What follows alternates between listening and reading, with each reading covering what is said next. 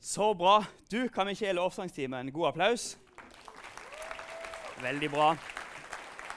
Mitt navn er ja, Nå må dere gi dem for mye applaus. Da kommer de til å gå helt amok når vi skal spille neste gang. Det må vi ikke ha nå. Mitt navn er Sondre Hamre. Jeg sammen med de andre har fått lov til å være tentroleder for denne gjengen her.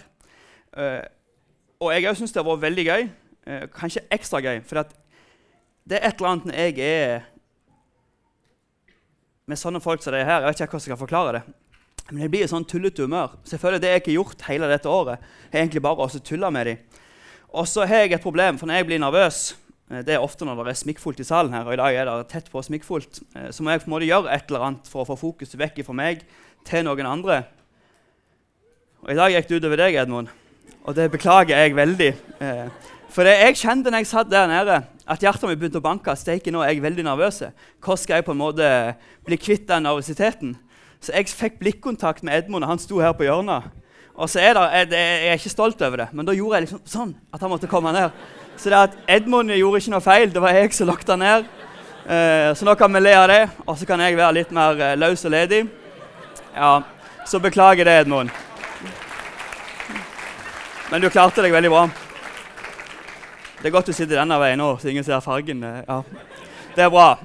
Og så eh, ble det òg meldt Jeg må bare rette opp i en ting at eh, Peter ikke var utrolig flink med jentene. Og jeg var på tentrotur med alle de andre guttene, og ingen av dem var heller spesielt flinke med jentene. Så du er ikke alene. Du kan bare slappe helt av.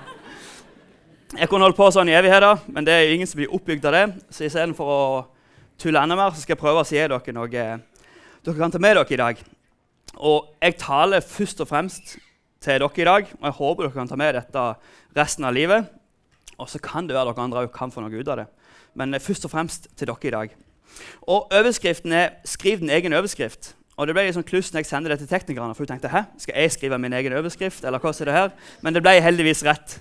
Og Jeg skal legge et grunnlag fra Kolossene 3, 1-3. Der står det Dere som har latt dere reise opp til ditt liv sammen med Jesus, dere må søke de verdiene han står for. Søk dem hos Jesus, han som sitter ved Guds høyre hånd.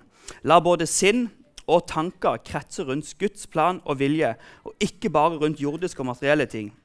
Dere har jo gitt avkall på deres, deres selvsentrerende liv. Ja, på en måte har dere dødd fra dere selv. Livet deres er nå skjult i Kristus. Her står det La både sinn og tanker kretse rundt Guds, Guds plan og vilje. Og Det jeg ikke lyst til å prøve å gi til dere i dag, det er på en måte et verktøy som dere kan ta med dere. Og Det var et verktøy som jeg, det er ikke et fysisk verktøy, det er ikke en hammer, eller noe sånt, men det er på en måte noe verktøy du har i hodet ditt som du kan ta med deg videre i livet. Jeg skal prøve å vise dere hvordan du kan bruke det. Og Jeg oppdaga det for alvor når meg og Maria pussa opp, men det skal jeg komme tilbake til. Men det har med overskrift å gjøre. Og jeg vet ikke med dere, men de siste to årene, hvis vi ser tilbake typ jeg vet ikke om det finnes sånne logg du kan se liksom, på Dagbladet du kan se på VG. Det har vært proppfullt med overskrifter. Jeg føler På Dagbladet står det 'akkurat nå', 'akkurat nå'. Og For to år siden så var det på en måte covid. Den kom, og det var overskrift på overskrift. Jeg føler jeg bladde ned hele veien, og det var bare overskrifter. Så vi har på en måte blitt proppa med overskrifter. Eh, og det var ny rekord, ny smitterekord, var ny smitterekord. Og så endelig på en måte følte at åh, nå kom vaksinen, nå er vi ferdig med det. Fikk litt pusterom. Så bare Nei, en ny versjon. en ny bla bla bla, bla. Og så var det en ny bolk med overskrift med overskrift med overskrifter. Og så når endelig korona var ferdig, så kom den forferdelige krigen. Og så er det overskrift på overskrift på overskrift. Og Jeg vet ikke med dere, men jeg kjente jeg ble litt sånn påvirka av det. Med så mye på en måte negative overskrifter som hele tida bare skriker til deg. Og det var ikke bare, Jeg tipper at ikke alle dere er nok alltid er på VG og Dagbladet. Eller stemmer det? Ja. ja. Han er på VG og Dagbladet. Men de andre er sikkert ikke så veldig mye på VG og Dagbladet. Men om du var på TikTok eller på Instagram, eller samme hvor du var, så var på en måte de overskriften der hele tida. Eh. Og jeg kjenner jeg ble litt påvirka av det. Den negativiteten dro meg òg litt ned. Eh, og faktisk, det er ikke alle overskrifter som står i avisene, som er sanne. Jeg googler bare på fake overskrifter på Google, og det første jeg fikk opp, var det bildet her. Eh, Titanic som sank, og der sto det på måte når den sank, at det var ingen som døde. Alle overlevde. Og vi vet jo dessverre at det ikke er sant i det hele tatt. Det har kommet opp masse, men jeg har fått beskjed om å være kort i dag. Så det er eneste eksempelet dere får. Men så er det òg noen overskrifter som kan være sanne, de kan være usanne, men de er iallfall morsomme. Og jeg syns denne var veldig løyen. Kan jeg få opp den neste? Verdens Bank sier at fattige folk trenger penger. Og da tenkte jeg ja, det har du helt rett i, men er det en vits å skrive? Og det jeg har lyst til å prøve å lære dere i dag, det er at du for ditt liv kan skrive dine egne overskrifter. Og Her er på en måte nøkkelsetningen til dere tentroelever. For det at du kan ikke alltid endre omstendighetene dine, hvordan det er rundt deg, hvordan det er akkurat her og nå, men du kan endre perspektivet ditt. F.eks. meg i dag tidlig. Jeg lå i senga og grua meg til å stå opp fordi jeg visste jeg skulle ta på meg dress. Og Det er topp tre ting det verste jeg gjør i løpet av et år. det er å ta på meg dress. Eh, men så kom Maria springende opp og begynte å stresse med bunaden. Og så endra perspektivet meg, mitt seg litt. Og jeg tenkte, vet du hva? Tenk så heldig jeg er som bare kan ta på meg dress og slippe å stresse med bunad. Ja, Eh, så det er det jeg mener, at på en måte omstendighetene kan være sånn som, ja, de er sånn som de er, men du må endre litt perspektivet ditt. Jeg kunne ligget der og syntes synd på meg sjøl, måtte ta på meg dress. Det er dritstress å knytte dresskoene på deg, alt det der. Men så drev Maria stressa rundt i bunaden, og så ble liksom overskriften min helt annerledes. Det gikk fra åh, dress til yes, dress. Dere er med på tanken? Ja. Eh, og I Bibelen så ser vi at folk gjør det her hele tida. Jeg kan ta noen eksempler. Eh, Moses de var ute i ørkenen og vandra i evigheter, og så skulle de endelig inn i det landet Gud hadde lova dem. Og Så sendte Moses av sted noen speidere. Og De så akkurat det samme landet, de så de samme tingene. De fikk beskjed om å sjekke liksom, hvordan er folkene der, hvor mange er de, hvor store er de, er det mye mat, hvordan er fruktbarheten i jorda. Alt det der skulle de sjekke opp. Og så når de kom tilbake igjen, så var de supersplitta med to helt forskjellige overskrifter. De hadde sett akkurat det samme, med to helt forskjellige overskrifter som kom tilbake igjen. For vi ser Josva og Caleb som kommer tilbake og sier vet du hva? Deres overskrift var 'Gud er med oss'. Og så under, underskriften vår liksom, det han har sagt, det er sant. Det er et land av melk og honning, eh, og det er rikt med velsignelser for andre. Det er på en måte det sa Josva og Caleb.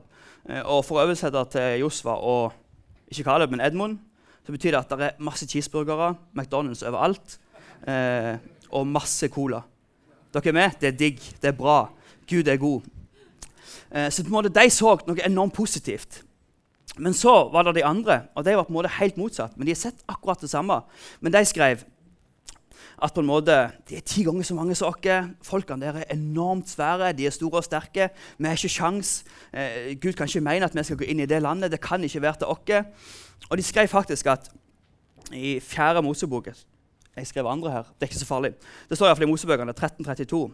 De sa vi så et land som nærmest fortæret innbyggerne sine. Så overskriften deres ville vært vi må, vi må flykte. Vi, må, vi kan ikke gå inn her. Eh, de sluker levende folk. Det er på en måte, De spiser hverandre. Der, vi kan ikke gå inn der. Så på en måte, Samme historien. De har sett akkurat det samme, med to helt forskjellige perspektiv. Samme omstendighetene, forskjellige perspektiv. Eh, mitt favoritteksempel det er Paulus. Han er står i Bibelen. Eh, og han var en som gikk rundt og så forfulgte kristne og arresterte dem og tok dem til fange og var skikkelig slem mot kristne. Så fikk han et radikalt møte med Jesus, og så endra alt seg. Så gikk han fra å være en som tok kristne til en som prøvde å få andre til å være kristne. Og Han tenkte at vet du hva? jeg må komme meg til Roma og så må du fortelle om Jesus i Roma. For der er på en måte de høyeste lederne. Hvis jeg kan på en måte få påvirke dem, få sagt dette til dem, få delt dem den gode nyheten, da er mye gjort. Da kan det være på en måte at ja, det er det lureste jeg kan gjøre. Om det er et glass med vann til meg der, Maria Nei, det er her.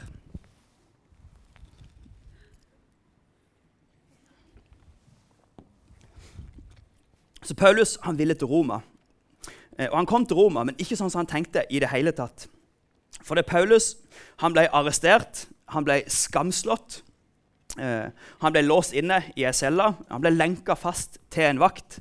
Eh, og på en måte, De vurderte om de skulle halshogge han eller ikke. Og Når du tenker på de tingene der, så tenker jeg at omstendighetene til Paulus det er ikke bra.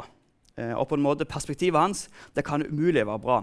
Tatt til fange, skambanka, låst inne, lenka fast til en vakt. og på en måte De diskuterer om de på en måte skal ta livet av eller ikke. Og Jeg tipper at, jeg vet ikke hva avis de hadde på den tida, men overskriften kunne vært noe sånt som Apostelen Apostelen? Jeg vet ikke, Kanskje de sa apostel på den tida. Uh, men uh, jeg velger å si apostel. Apostelen Paulus venter på henrettelse. Eh, kristendommen er fordømt. Eller eh, kanskje de avisen som gjerne var litt mer kristne, skriver at eh, apostelen Paulus feilaktig fengsla. Eller kanskje noen av de mer eh, ekstreme skriver Apost Vi sier bare apostel. Apostelen Paulus saksøker regjeringer for titalls av millioner. Eller Har dere sett sånne sju tips og triks til å bli sunnere? Og så åpner du opp nå, hva tips og triks som står der. Så står det 'tren hver dag', 'spis sunt'. Det her er ikke tips og triks. Det er sånn som alle vet. Kanskje det var noen sånne ting òg. Sju grunner til at kristendommen dør ut før det første århundret. Eller kanskje de starta podkaster. Eh, apostelresepsjonen. Jeg vet ikke hva de gjorde for noe.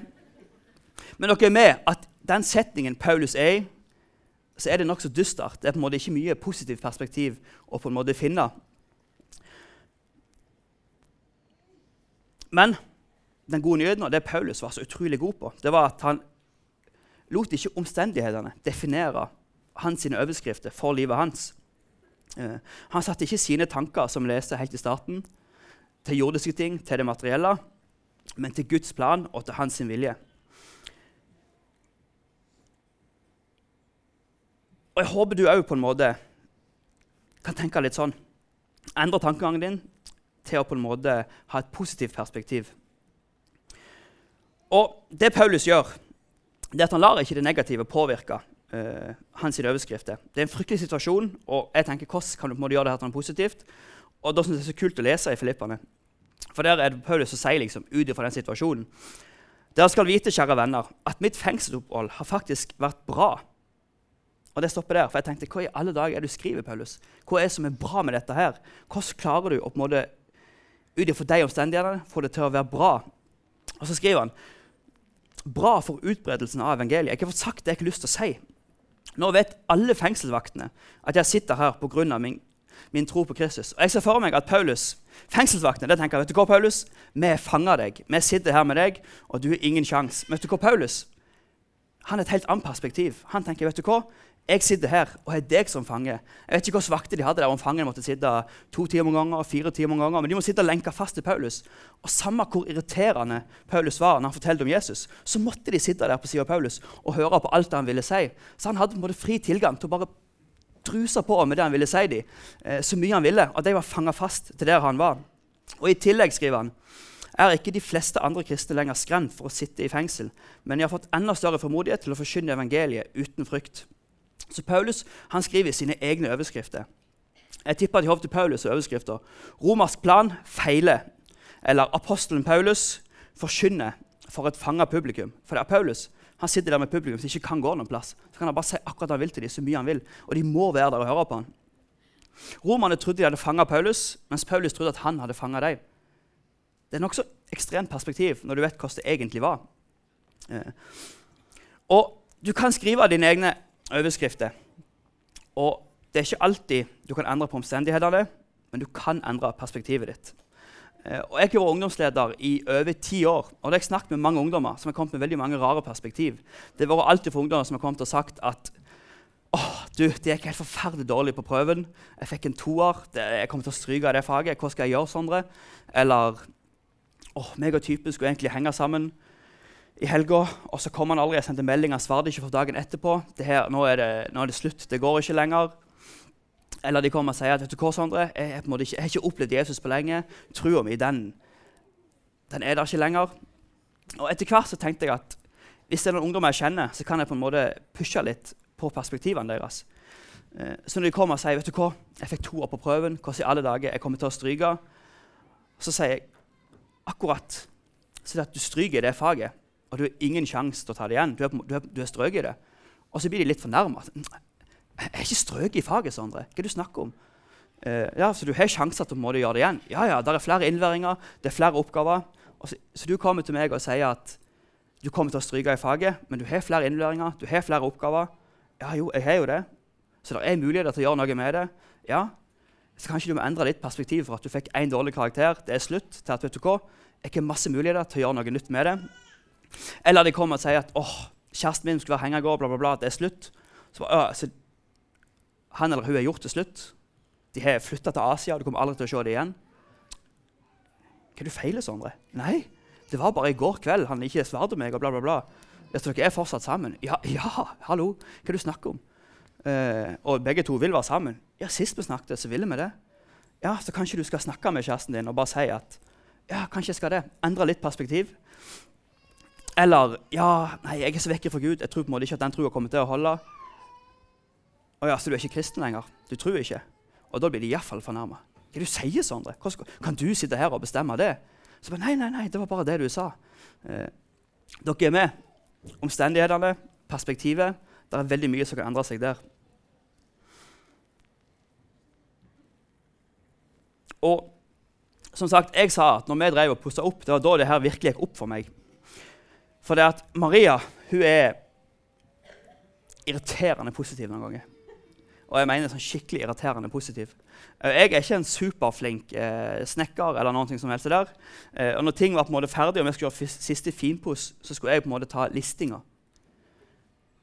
Og Det er lenge siden jeg har vært så sint som jeg holder på med det. Eh, spesielt rundt vinduene og de listene. Svindyre.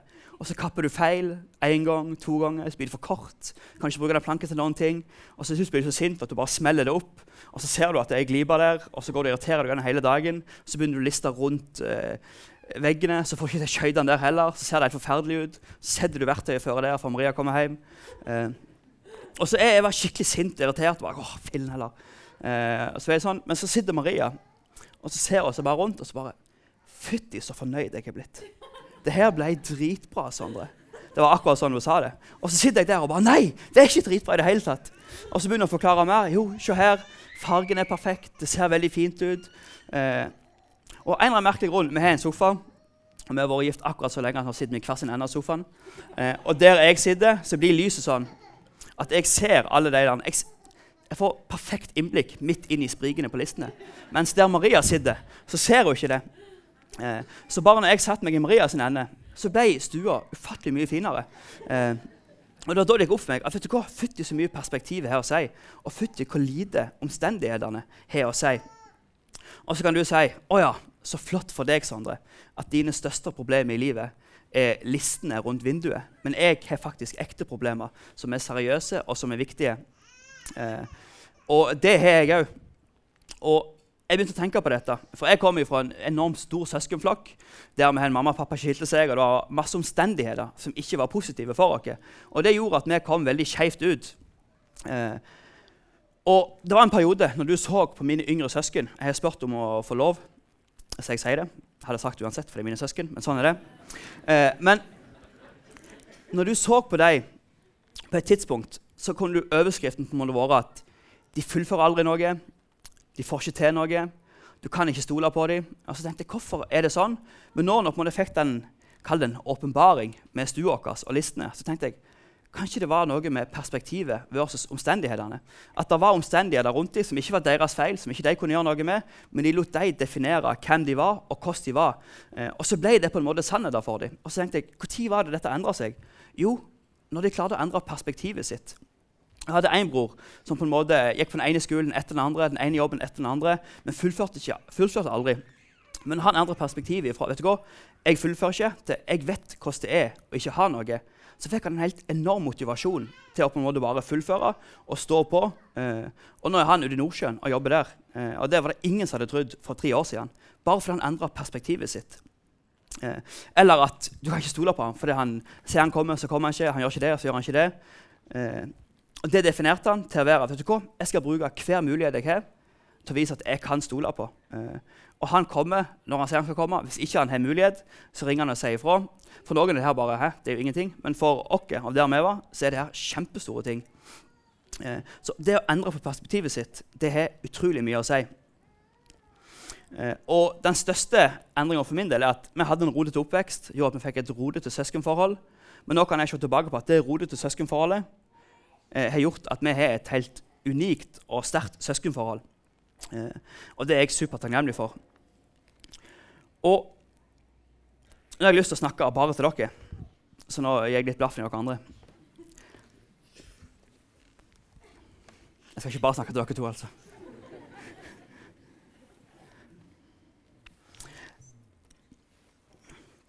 Er dere klare?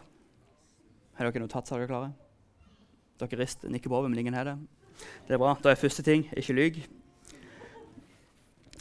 Men jeg vet ikke hvilke utfordringer eller hvilke ting dere kommer til å møte i livet. Hvordan det ser ut, hva som er greia. Jeg vet ikke hvordan de omstendighetene kommer til å bli for dere. Og jeg vet at mest sannsynlig så kan dere ikke endre de omstendighetene. Eh, for det har på en måte ikke alltid med makt over å gjøre. Men jeg har sagt det mange ganger, dere kan endre perspektivet. Hvordan dere ser på ting, hvordan dere velger å se på det, og hvilke overskrifter dere velger å gi de tingene. Det kan være at om noen år skal dere begynne på ny skole. Der du tenker at oh, jeg er den eneste i klassen som er søkt på den skolen. Jeg kommer til å ikke ha noen venner. Det er en overskrift av de. Eller jeg kommer til å være ensom. Det er overskrifta av Eller så kan du snu på det.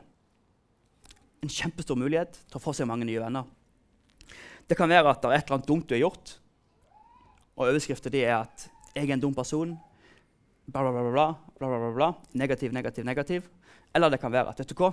Jesus har tilgitt meg. Det er min overskrift. Kanskje jeg skal tilgi han som har tilgitt meg. Eh, det er ikke noe å le av. Eller det kan være at du har opplevd et eller annet som måtte binde deg fast. Eh, gjør at du føler at oh, jeg, kan, jeg, kommer ikke vekk herifra. Jeg er fastbonden. Vet du hva? I Jesus så er du satt fri. Eh, og kanskje du blir satt fri fra det, så opplever du at det er faktisk en mening og hensikt med meg. Jeg nok kanskje av og til går rundt på mudlene og føler oh, hva er vitsen og meninga med livet mitt. Eh, men Jesus han har en plan for deg. Det er en mening for deg. Og hør nå, for dette er det viktigste jeg sier til deg i dag til dere. Livet deres Veldig mange tenker at livet deres er 90 hva som skjer med dem, men det er helt feil. Livet deres er 10 hva som skjer med dere, og de andre 90% av livet deres, det er hva dere velger å kalle det. Så husker dere det, så er det en sykt god start på resten av livet. Så husker dere det.